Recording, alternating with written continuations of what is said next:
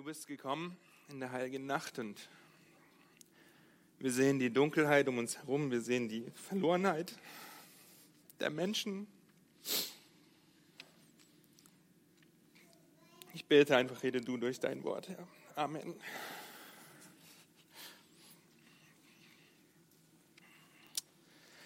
Nun,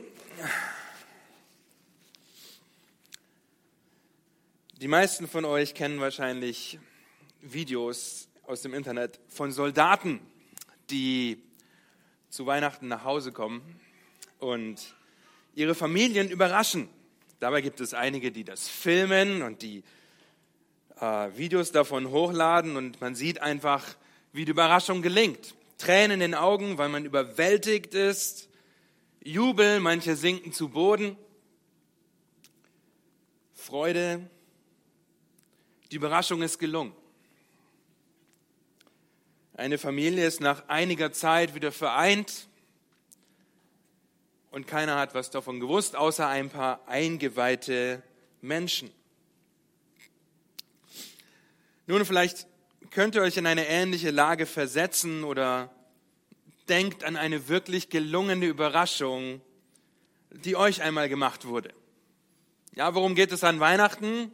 Worüber freuen wir uns in der Regel als Kinder am meisten? Über die Geschenke. Und da habt ihr eine Liste, wo ihr euch etwas von Herzen wünscht, ganz oben Top 1. Bei mir war das eine Lego Ritterburg oder ein Lego Piratenschiff, was auch immer. Und ihr bekommt das.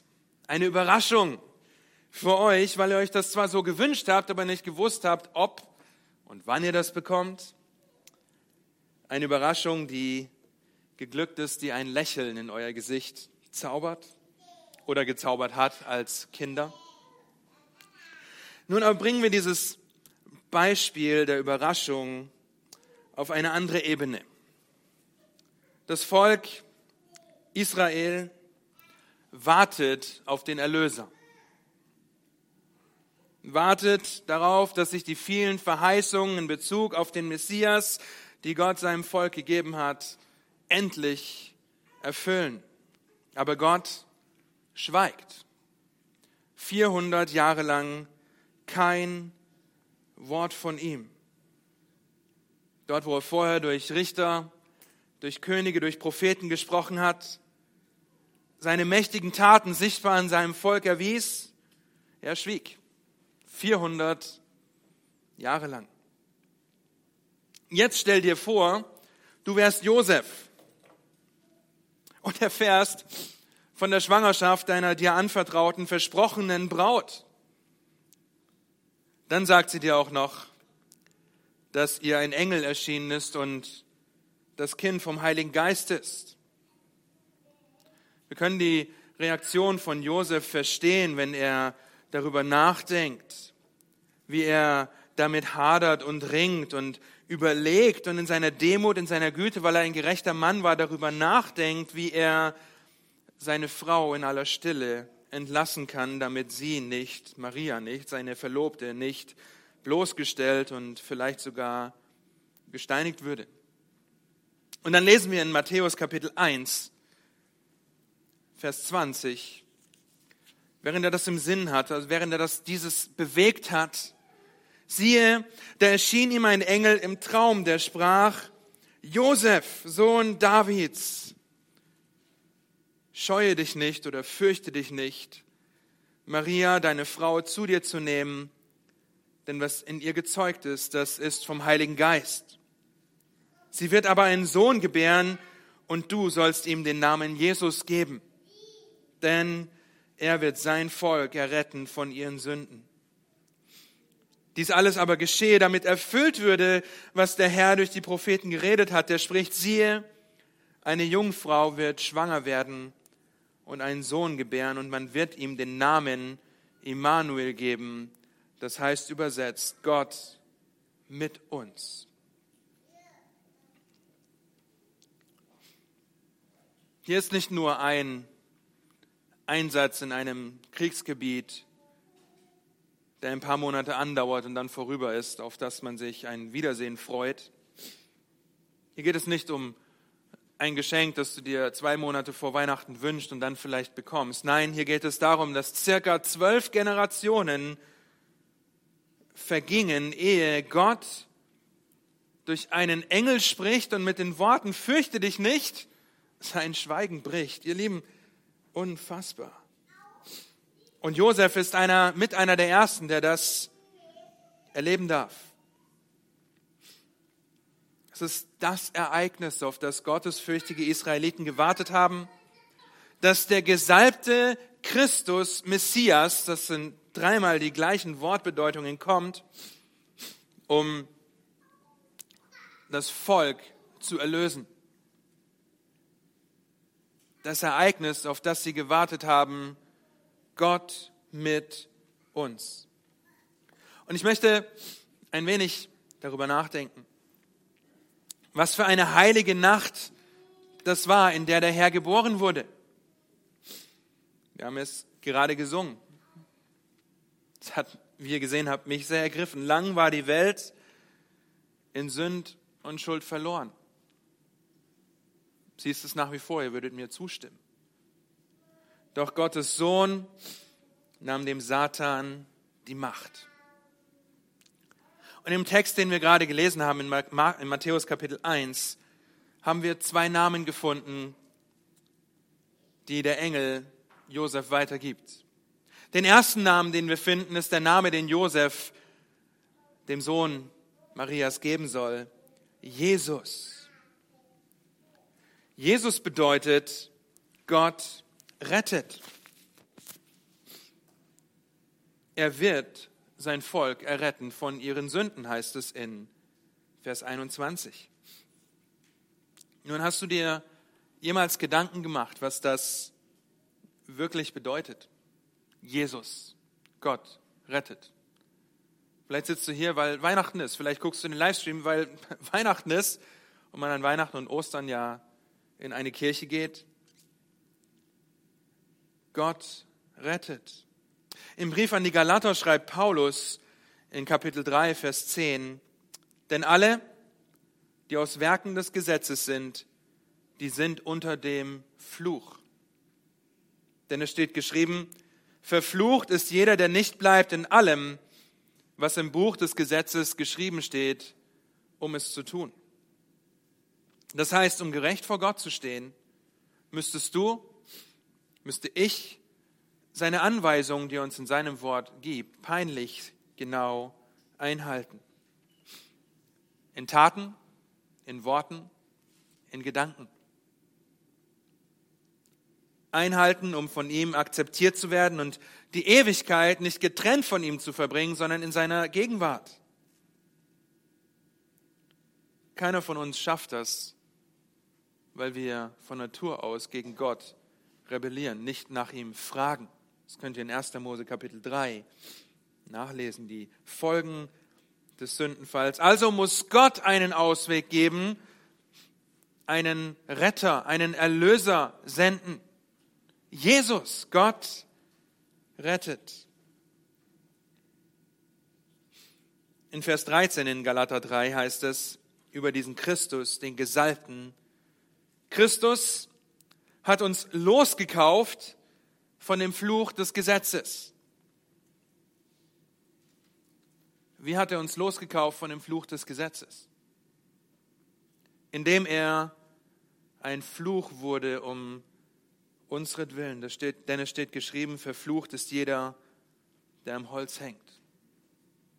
Hast du jemals darüber nachgedacht, Christus mein Fluch? Jesus Christus, der die Vollmacht hat, die Autorität hat, zu retten. Ein Gesalbter hat Autorität bekommen. Christus, der das Leben gelebt hat, das du und das ich leben müssten, um vor Gott bestehen zu können. Und Jesus, der zu meinem Fluch wurde, damit du dieses Leben haben kannst. Jesus, Gott, rettet. In Galater 4, Vers 4 und 5 finden wir die komprimierte Weihnachtsgeschichte, die die Bestätigung der Aussage oder dass die Bestätigung der Aussage Josefs ist, was wir gerade gelesen haben oder was an Josef gesagt wurde, nämlich dass Jesus, Gott rettet, ist, gekommen, kommen wird, um sein Volk zu erretten von ihren Sünden. Vers 4 und 5. Als aber die Zeit erfüllt war, 400 Jahre später, sandte Gott seinen Sohn, geboren von einer Frau und unter das Gesetz getan, damit er die, welche unter dem Gesetz waren, loskaufte, damit wir die Sohnschaft empfingen. Aber verflucht ist jeder, der unter dem Gesetz ist. Verflucht bist du, wenn du unter dem Gesetz bist. Was bedeutet es, dass Jesus für dich, für mich verflucht wurde? Jesus mein Fluch. Nun, er wurde an meiner Stadt abgelehnt, weil ich Gott ablehnte. Er wurde an meiner Stadt schändlich behandelt, weil ich schändlich gegen Gott rebelliere. Er wurde an meiner Stadt entstellt, weil ich das Ebenbild Gottes entstelle. Er wurde an meiner Stadt verspottet, weil ich Gott durch meine Sünde verspotte. Er wurde an meiner Stadt verabscheut, weil ich Gottes Gesetz und Gott selbst verabscheue oder verabscheute.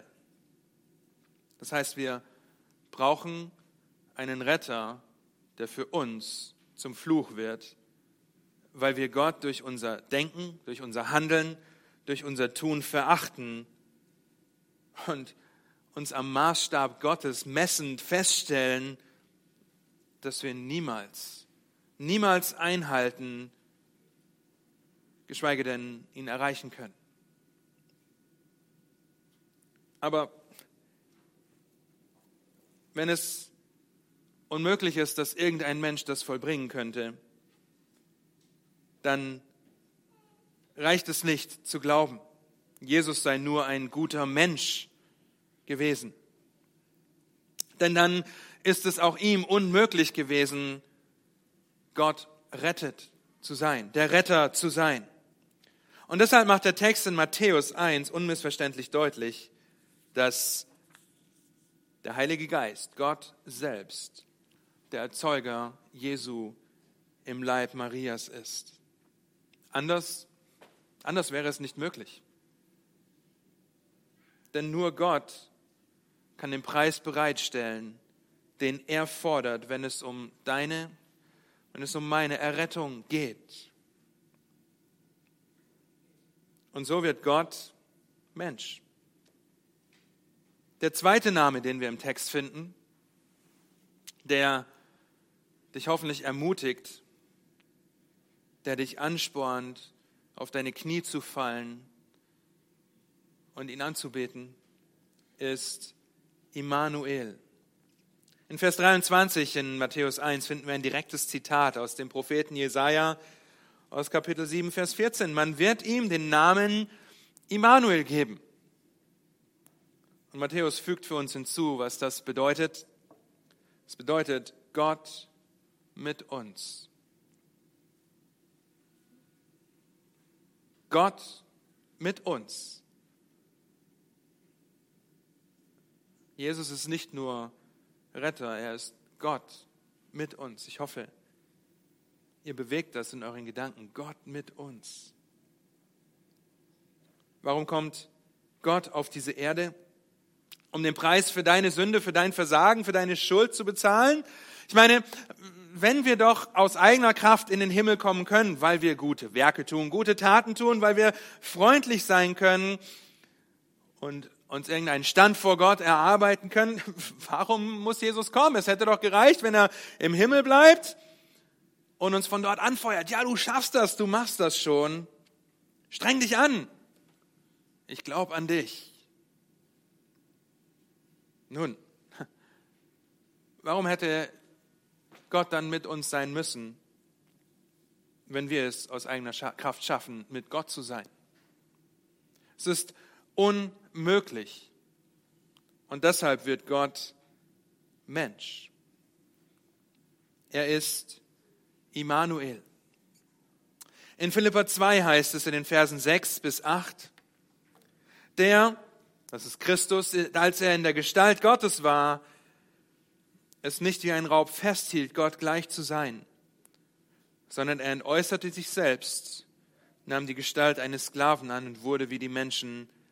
Und in seiner äußeren Erscheinung als ein Mensch erfunden, erniedrigte er sich selbst und wurde gehorsam bis zum Tod. Ja, zum Tod am Kreuz. Endlich ist die Nacht vorbei und endlich werden Menschen frei. Warum? Gott ist da. Wir haben es am Ende jeder Strophe gerade gesungen. Gott ist da. Gott mit uns. Im Psalm 46, Vers 2 heißt es, Gott ist unsere Zuflucht und Stärke, ein Helfer bewährt in Nöten. Im Psalm 54, Vers 6 heißt es, siehe, Gott ist mein Helfer, der Herr ist es, der mein Leben erhält.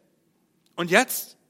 Gott mit uns. Der Helfer wird hilflos, der Unabhängige wird abhängig als ein Baby in einer Krippe.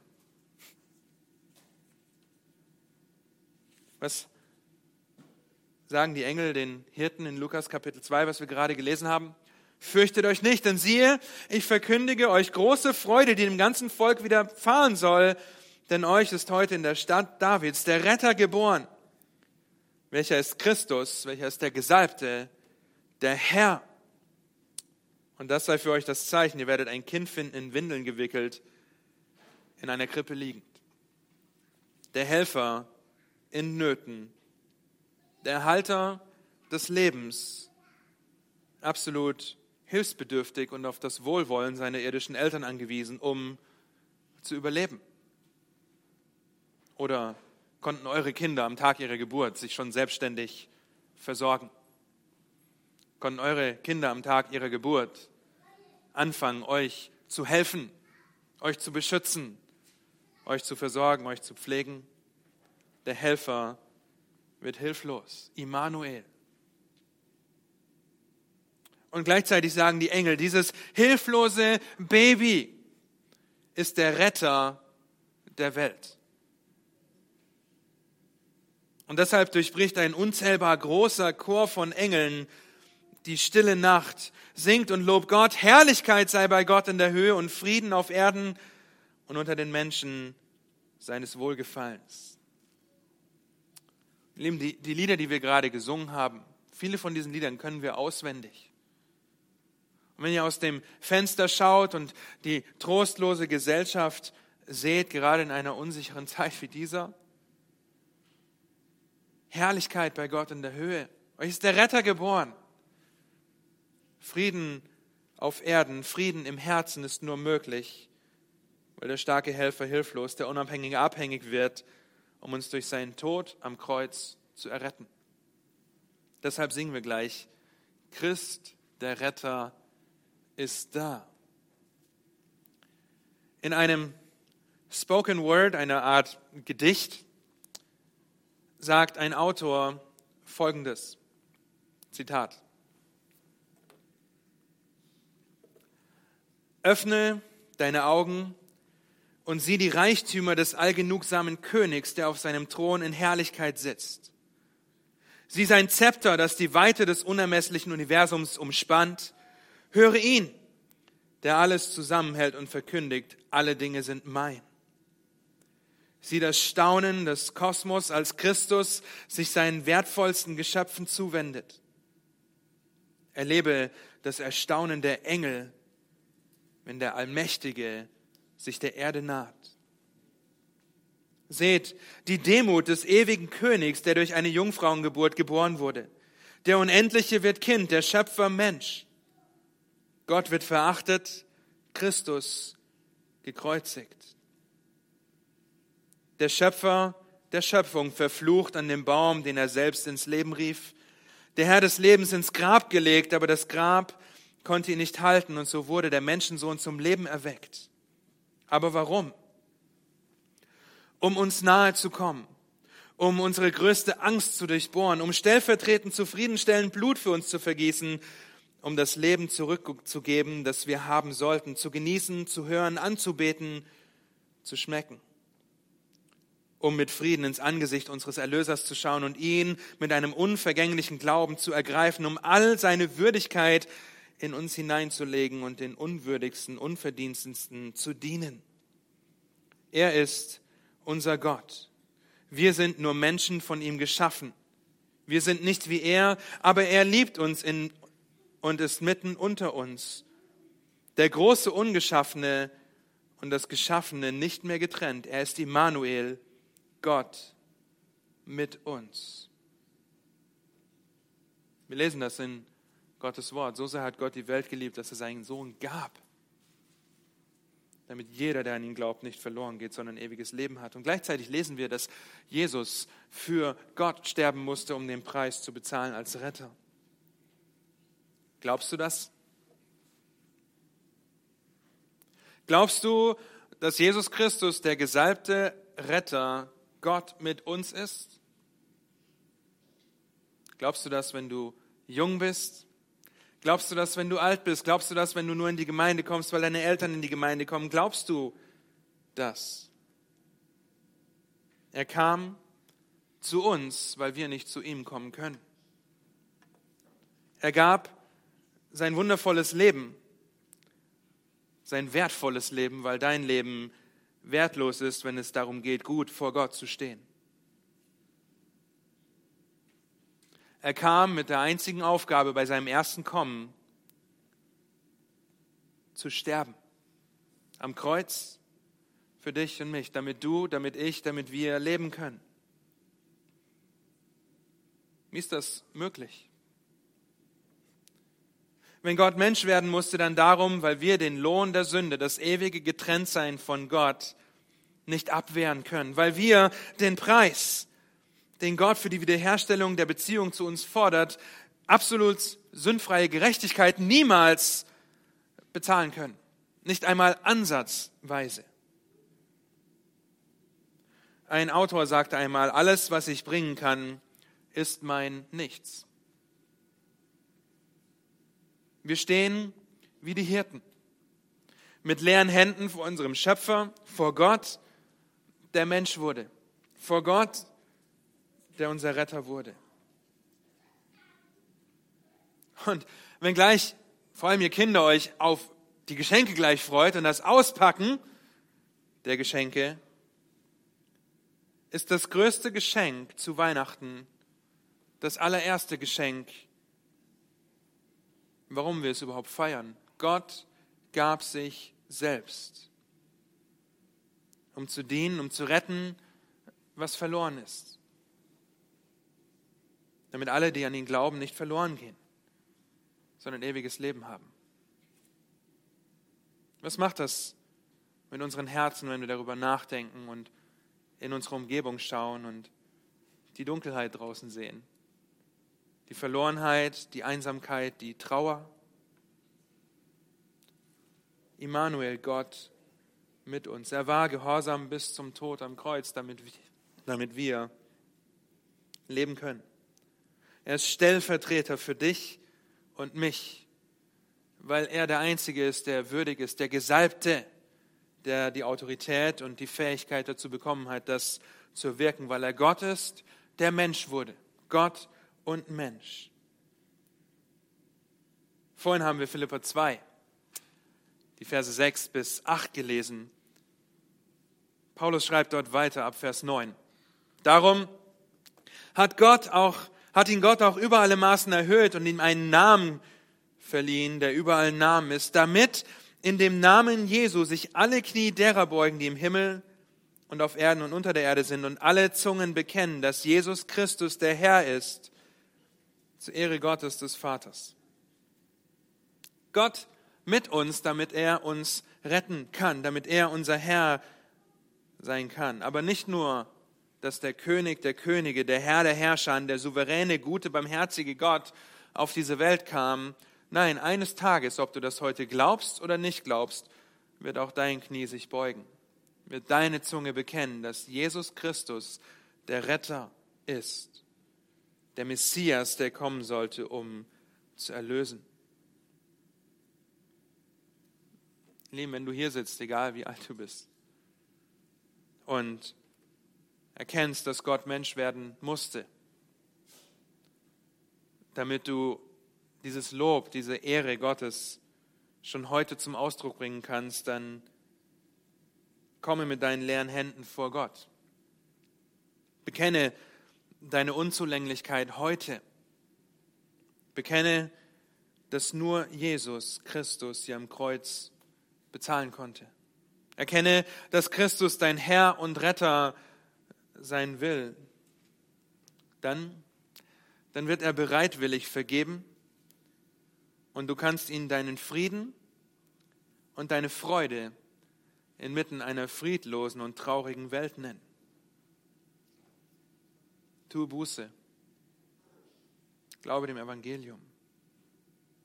Nun, wenn du das glaubst und hier bist, weil Christus schon dein Herr und Retter ist, weil du davon überzeugt bist, dass er nicht nur Gott mit uns war, sondern auch Gott mit uns ist und nicht nur das, sondern auch Gott in uns durch seinen Geist, den er gesandt hat, dann sei getröstet in seiner Güte, in seiner Treue, in seinem Beistand. Inmitten einer unsicheren Welt ist es unsere absolute Sicherheit, in Christus zu sein. Das kann dich ruhig machen, weil du weißt, dass Christus alles bezahlt hat, was dich von Gott trennt. Es kann dich ruhig machen, denn inmitten der Turbulenzen und deinen Sorgen kannst du zu ihm als dein Herr, Retter, Freund und Heiland fliehen, als dein Vater fliehen und mit Freimütigkeit zum Thron der Gnade kommen, nicht mehr vor dem Thron des Gerichts erscheinen müssen, um Barmherzigkeit zu erlangen und Gnade zu finden zur rechtzeitigen Hilfe. Lieben, Josef, die Hirten damals, haben 400 Jahre lang auf diesen Moment gewartet. Wir blicken darauf zurück. Wie begeistert sind wir davon, dass Gott mit uns ist? Sind wir bereit, hinzugehen, zu staunen und wie die Hirten es allen zu verkünden, was der Herr getan hat in dieser Nacht? Denke heute besonders, vielleicht wenn ihr später noch die Zeit habt, auch als Familien, über diese wunderbare Wahrheit nach. Immanuel, Gott mit uns. Immanuel in Zeiten der Unsicherheit. Er ist der Herr der Herrscher. Immanuel in Zeiten des Todes. Und wir haben einen Tod erlebt in der vergangenen Woche. Unsere liebe Schwester Hildegard, die erkannt hat, dass Gott mit ihr ist, ist jetzt mit Gott. Wie wunderbar. Aber die Zurückgebliebenen. Auch wir als Gemeinde, wir trauern darum, aber Immanuel in Zeiten des Todes, denn er ist mein Leben und er ist mein Trost. Immanuel in Zeiten der Sorgen, denn er ist mein Friedefürst. Immanuel in Zeiten des Trauerns, denn er ist meine Freude. Immanuel in Zeiten der Unklarheit, er ist mein Ratgeber. Immanuel in Zeiten der Angst, er ist mein Hirte. Immanuel in Zeiten der Schwäche. Er ist meine Stärke. Immanuel in Zeiten des Leids. Er ist mein Beistand. Immanuel in Zeiten der Ungerechtigkeit. Er ist meine Gerechtigkeit. Immanuel in Zeiten der Sünde. Er ist mein Stellvertreter. Immanuel in Zeiten der Zweifel. Er ist mein Erlöser. Immanuel in Zeiten der Einsamkeit denn er ist bei mir bis ans Ende der Weltzeit. Immanuel, mein Herr Jesus Christus. Immanuel, Gott mit uns.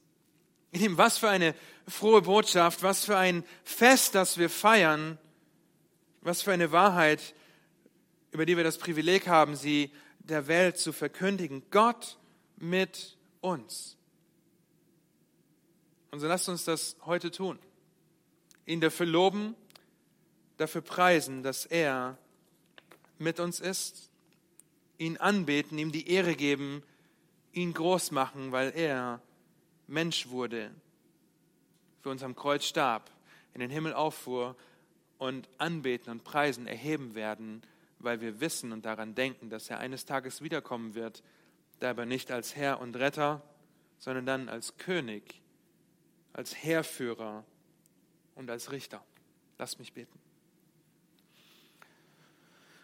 Herr, und wenn wir darüber nachdenken und diese Lieder singen, diese Wahrheiten hören, dass du auf diese Welt gekommen bist, um zu retten, was verloren ist. Wenn wir singen, endlich ist die Dunkelheit bezwungen und in die Dunkelheit schauen, in die Dunkelheit, die wir jetzt vor Augen haben, in die Dunkelheit der Herzen der Menschen um uns herum, dann schenk du Gnade zur Errettung. Schenk du Gnade, dass sie begreifen, dass sie erkennen, dass du, Herr Jesus Christus, auf diese Erde gekommen bist, um am Kreuz zu sterben, damit wir singen können. Endlich ist die Nacht vorbei und endlich werden Menschen frei. Das Licht ist erschienen. Gott ist da. Ich bete, dass wir darüber nachdenken, dass wir aber auch ermutigt sind, besonders in Zeiten der Herausforderung, in Zeiten der Sorge, der Angst, der Nöte, der Verzweiflung, dass wir über diesen wunderbaren Namen nachdenken, den du bekommen hast. Immanuel, Gott mit uns. Schenk du Gnade an diesem Tag. Schenk du Gnade, dass das nicht nur heute eine Wahrheit ist, über die wir staunen und über die wir singen, Herrlichkeit und Ehre sei Gott in der Höhe, sondern dass das unser Leben ist, dass das unsere Überzeugung ist und dass wir dich dadurch groß machen, weil du der Retter dieser Welt mit uns bist. Gott mit uns. Amen.